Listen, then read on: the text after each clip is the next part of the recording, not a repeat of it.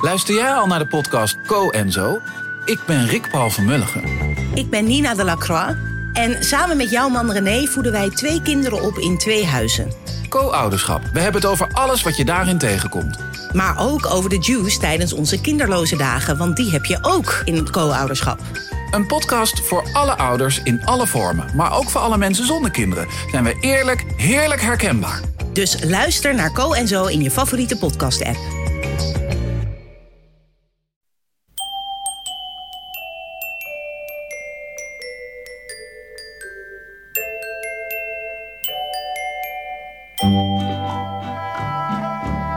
Welkom bij aflevering 416 van Echt Gebeurd, de podcast waarin mensen hun eigen waargebeurde verhalen vertellen. In deze aflevering een verhaal dat Martijn Winkler twee maanden geleden bij ons vertelde tijdens een verhalenmiddag met het thema Dromen.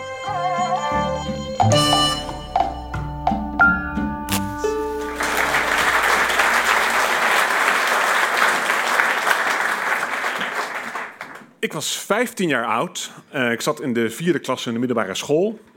En ik was er wel klaar mee. Al dat softe tienergedoe. Ik snakte ernaar om volwassen te zijn. Ik droomde van een groots en meeslepend leven in de 18-plus wereld. Uh, mijn beeld van het volwassen leven werd ook erg ingevuld door de films die ik keek van Scorsese en uh, Brian De Palma. Met stoere mannen en verleidelijke vrouwen, harde one-liners. Een wereld van losbandigheid waar je alles mocht doen wat God verbood. En waar het er echt toe deed wie je was en hoe je in het leven stond. Uh, het enige was dat ik uh, ik had niet eens een vriendin op dat moment. Ik had zelfs niet eens een keer gezoend. Um, en uit barre armoede organiseerde ik uh, pokeravondjes met de, mijn vrienden, die, uh, in ieder geval de paar vrienden die op vrijdagavond ook niks anders te doen hadden, uh, in de schuur bij mij in de tuin.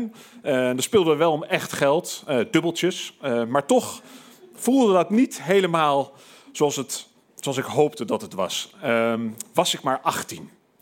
En toen brak er een unieke kans aan waar ik, uh, nou ja, uh, waar ik helemaal op, uh, op insprong. Wat is namelijk het geval? Een vriend van mij, of eigenlijk een vriend van een vriend, kennis, iemand die ook op school zat, die ging zijn verjaardag vieren. En ik was uitgenodigd. Op zich niet heel bijzonder, waar het niet dat deze jongen, Jeroen, al twee keer was blijven zitten. en hij werd dus 18. En ik was uitgenodigd op zijn feest. Ik had al direct beelden voor me van hoe dit feest eruit zou zien en wat er allemaal zou gebeuren. Dit was mijn kans om eindelijk te proeven aan het leven van volwassenheid. My ticket to adulthood. Um, dus ik, ging daar, ik was daar helemaal uh, op gefocust. En met uh, een vriendje van mij van die pokeravonden gingen we toen brainstormen. Want ja, wat geef je een, als cadeau aan zo iemand? Hè? Iemand die 18 wordt. Je kan niet zomaar wegkomen met een uh, boekenbon. Uh, wat, wat, moet je, hè? Een, een, cd, wat moet je geven? Dus we waren met elkaar aan het brainstormen. Moet het een uh, abonnement op de autoweek? Ja, dat is misschien ook wat te vroeg. Um, en na een tijdje nadenken brak als het ware de hemel open. Licht viel op mijn gezicht en ik, ik had het antwoord. Ik keek Christian aan, mijn vriendje, en ik zei: Een stripper.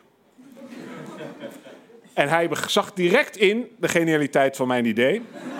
Uh, en wij hadden uh, een plan gemaakt. We legden ieder 50 uh, piek in, 100 gulden. Daar moet je echt wel wat voor kunnen regelen, dacht ik. Pakte de gouden gids erbij en ik ging bellen. Uh, woonde in Den Haag, dus we begonnen alfabetisch in Den Haag alle mogelijke etablissementen waar we dat zouden kunnen regelen af te bellen.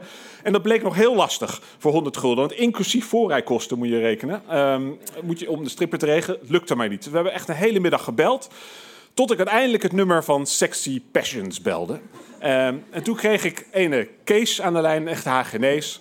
En toen zei hij, wat heb je? Ik zei 100, 100 gulden. En zei ja, ga ik voor je regelen. Wat voor een uh, type zoek je? Uh, wat voor een type? Ja, uh, Zuid-Amerikaans, Oost-Europees, Oost-Europa. heb ik een Poolse dame voor je, Natasja. Zal je wel bevallen. 100 ballen, doet ze één nummer voor, maar wordt prachtig. Uh, dus, uh, nou, fijn. Ik pakte de uitnodiging bij. Ik gaf door wat het adres was, de tijd en de datum. Uh, en zei tot dan. En hing op. Dus ik keek Christian aan. We high-fiveden. En we aten een roze koek om te vieren dat we echt groot succes hadden. Het kwam dichter bij de datum van het grote feest. Ehm, en ik begon toch een klein beetje te twijfelen. Hè, want ik dacht, ja, zo'n 18-plus feest valt ons cadeau wel op. Hè? Er zijn misschien allemaal van die sexy paaldanseressen. En heb je nog een extra stripper erbij. Of iedereen is zo dronken dat ze helemaal niet doorhebben dat die act er komt. Uh, maar ja, goed, we, we, hebben het nou eenmaal geregeld. We gaan er gewoon voor. Uh, dus op de avond zelf uh, trok ik mijn pokerblazer aan en mijn ribbroek, uh, wetgel mijn haar. en Christian en ik vertrokken met de uitnodiging in de hand naar het adres toe. We kwamen daar een uur te laat aan. We dachten, ja, je moet niet op tijd komen. Een uur, fashionably late, zit wel goed. Ehm, en naarmate we dichter in de buurt kwamen op onze fiets, veranderde een beetje de omgeving van Den Haag, waar we fietsten naar steeds chicere uh, villa-wijk. Uh, prachtige, mooie huizen. Um, en we parkeerden onze fiets uiteindelijk naast een uh, Jaguar op de stoep. En liepen naar het adres toe en belden aan. En daar, de deur ging open. En een zeer chique dame, van, rond de 50 denk ik, deed open. Wij vroegen, is dit het huis? Is dit het feest van Jeroen? Ja, ja, ik ben de moeder van Jeroen, zei ze. Welkom. Uh, er zat een prachtige grote japon aan uh, met Japanse elementen. Gouden armbanden die een beetje rammelden terwijl ze bewoog. En zei, uh, kom verder. En we liepen mee naar binnen. En we kwamen het huis binnen. Ontzettend groot, chic huis. Met aan de wanden grote abstracte kunstwerken. Um, allerlei uh, antieke meubels. Uh, en in het midden van de kamer een hele lange tafel. Die gedekt was in Japanse stijl. Met bamboematjes, uh, kleine bonsaiboompjes, stokjes. Uh, en aan tafel zaten allemaal uh, ja, uh, 15, 16-jarige jongens en meisjes die we kenden, een beetje van school, van de klas. Mijn idee ook wat neefjes en nichtjes misschien van Jeroen. En Jeroen stond op tafel en die stond op en liep nog eens toe en zei: Oh, wat zijn die laat? Maar kom, we zijn begonnen al met de miso-soep en straks komen sushis. want het is Japanse avond. Um, en hij wees op twee, een jong meisje en een wat oudere dame en zei: Dat is mijn zusje en mijn oma, die helpen mee met serveren waren prachtig gekleed in Japanse uh, kledij. Uh, de vader van Jeroen liep rond, maakte fotootjes. Uh, dus wij gingen aan tafel zitten, beleefd glimlachend en keken om ons heen. En ja, dit was het dus. Dit was het feest van Jeroen. Dit was een, een Japanse stijl dineravond met, met het hele gezin van Jeroen erbij. Ik kreeg geen hap, een miso-soep door mijn keel. Ehm, uh, ik keek opzij naar Christian, die was ook aan het sterven. Um, en ik heb nog nooit de tijd zo langzaam uh, voorbij horen gaan. Um, en wij zaten daar aan die tafel. Ik, zag de uh, prachtige koekoeksklok bij de wand, waar de tijd tikte. Het was kwart voor negen. Om negen uur hadden we afgesproken met Natasha. Um, om me heen werden gesprekjes van iedereen. De, kinderen, de meisjes waren vrolijke verhalen aan het vertellen. En Jeroen was ook vooral een heel lieve, lieve jongen was dat. Die gezellig aan het kletsen was. En zijn moeder het glimlachte trots. Uh, terwijl de oma leerde ons nog even hoe we met stokjes moesten eten. Het was uh, een hele warme, gezellige avond. Um, en als er een moment was dat je dacht, kan ik nu maar onzichtbaar worden? Dan was dat nu. Uh, dus ik deed mijn ogen dicht, maar het gebeurde niks. En toen ging de bel. Uh, Christian en ik sprongen op en we riepen meteen: Wij doen wel open. Um, dus wij uh, renden ons, we sneden de moeder van Jeroen de pas af, deden de, de, gangdeur dicht en openden de voordeur. en daar stond ja, ehm, een, man, ongeschoren man, leren jackie aan. dit was overduidelijk Kees. En achter hem, nog op straat een beetje, stond een ja, vrouw in de dertig, denk ik, met heel kort opgeschoren blond haar en een grote mantel. Kees en Natasja. Zij stapte naar buiten, pakte de, ieder pakte ons de 50 gulden zijn broek en probeerde dat in de handen van Kees te drukken en zeiden: Hier is het geld, je hoeft niet meer te doen, uh, we betalen gewoon, je mag gewoon weer gaan. Uh, Kees keek ons aan en zei: Nee, nee, nee, nee. we zijn hier gekomen om op te treden. Het is mijn beroepsheer, hè? We nemen geen geld aan uh, zonder iets te doen. Dus wij probeerden met z'n tweeën daar nog uh, tegen hem in te gaan. Maar herhaalde een paar keer dat het zijn beroepseer was. Dat was een heel belangrijk uh, ding voor Kees. Uh, en Kees pakte Natasja bij de arm en echt stormde eigenlijk voorbij ons het huis in. Um, en zijn, we liepen de woonkamer in en in zijn ene hand had hij een grote ghettoblaster. En die zette hij hard neer op het dressoir, waar het kristal een beetje rinkelde. En iedereen in die kamer viel stil. En keken naar Kees en Natasja en Christian en ik daar achteraan hobbelend. En Kees keek rond en vroeg: Waar is de jarige? Uh, Jeroen aan tafel stak voorzichtig zijn uh, arm op. En Natasja uh, en Kees knikten naar elkaar. Natasja liet haar mantel vallen uh, en gaf dat aan Kees en liep op Jeroen af. ze droeg een soort ja, leopard suit met allerlei ritsjes en ja, slierten. hele hoge hakken. En toen ze bij Jeroen aankwam, toen sprong de moeder van Jeroen tussen haar en Jeroen. En wilde, vroeg, wat, wat is dit? Wat is dit? En wij renden daar ook snel naartoe en zeiden... Het is even iets ludieks. Het moet even. Het is zo voorbij. Laat het gewoon doen en dan gaat ze weer weg. Uh, de moeder van Jeroen keek even rond en keek toen naar het zusje van Jeroen en stuurde haar naar boven alvast voor de zekerheid. En zei: Oké, één nummer maar dan, hè? Wij knikten. Kees die drukte op play op uh, de Ghetto Blaster. Uh, een soort van To Unlimited-achtige dance beat kwam, uh, ging aan. En Natasja begon heel zwierig te dansen achter Jeroen. En zij begon rond de tafel te dansen. Een beetje haar hand door de blozende haren van de jongens halend. Uh, wat giechelende meisjes strelen op de armen. Uh, toen ze bij de vader uh, van Jeroen kwam, liet ze daar haar sjaal een beetje over zijn schouders draperen. En terwijl ze danste, oh, ik moet zeggen, het was een, ze danste heel erg professioneel, laten we zeggen, heel op de maat telkens een kledingstuk of een stuk van dat leopard suit, bleek al die ritjes, gingen ook echt dingen af, uit.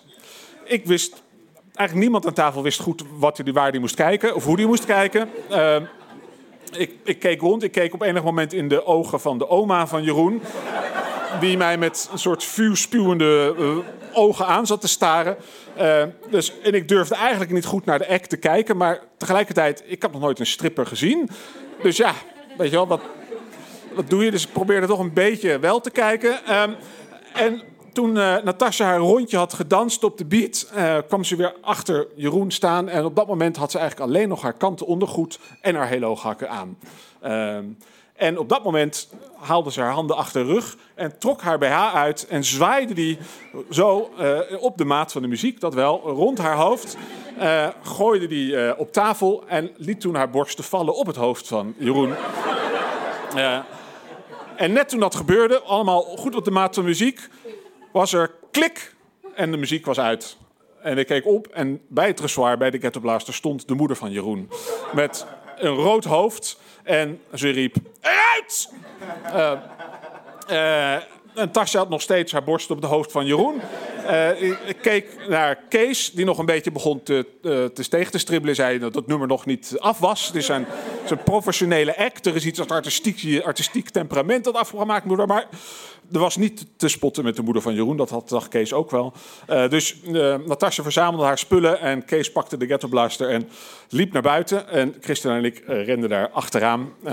en met ze naar buiten toe op de stoep probeerden we nog tegen Kees nou, wat excuses te maken. Sorry dat het zo gegaan is. We wisten het ook niet.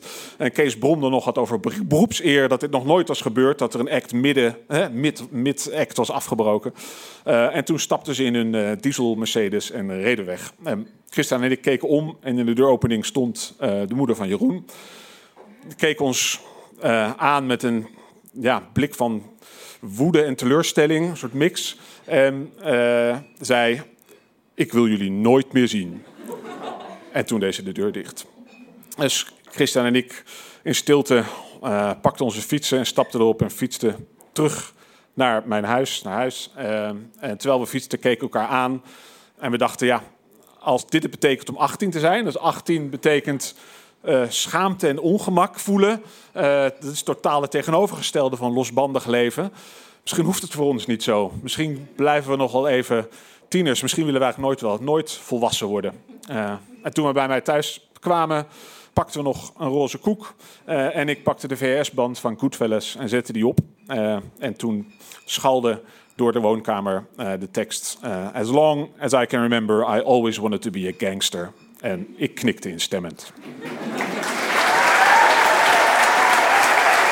Je hoorde een verhaal van Martijn Winkler. Martijn is schrijver en regisseur voor film en televisie van onder andere de twee internationaal gelauwerde dramaseries Tagged en Hitte. Volgend jaar komt zijn speelfilmdebuut uit, Headliner, over een stand-up comedian die langzaamaan zijn greep op de realiteit en zichzelf verliest. Martijn vertelde zijn verhaal in mei bij ons in de Amsterdamse comedyclub Toemler. Zou jij ook wel eens met een waargebeurd, zelfbeleefd verhaal op ons podium willen staan? Kijk dan even of je aanslaat op een van de themata van onze komende vertelmiddagen. Frankrijk op 17 september, Mislukt op 22 oktober, Telefoon op 19 november of Kerst op 17 december. Je kunt je als verteller opgeven via onze website echtgebeurd.net, waarop ook alle themata staan aangekondigd voor de eerste helft van volgend jaar. De redactie van Echt Gebeurd bestaat uit Miga Wertheim, Renette Kwakkenbos, Tom van Rooyen, Ariane Hins en mijzelf, Paulien Cornelissen. Directie Hanna Ebbingen, zaaltechniek Jasper van Oorschot, podcast Gijsbert van der Wal. Dit was aflevering 416. Tot volgende week en eet maar lekker een roze koek.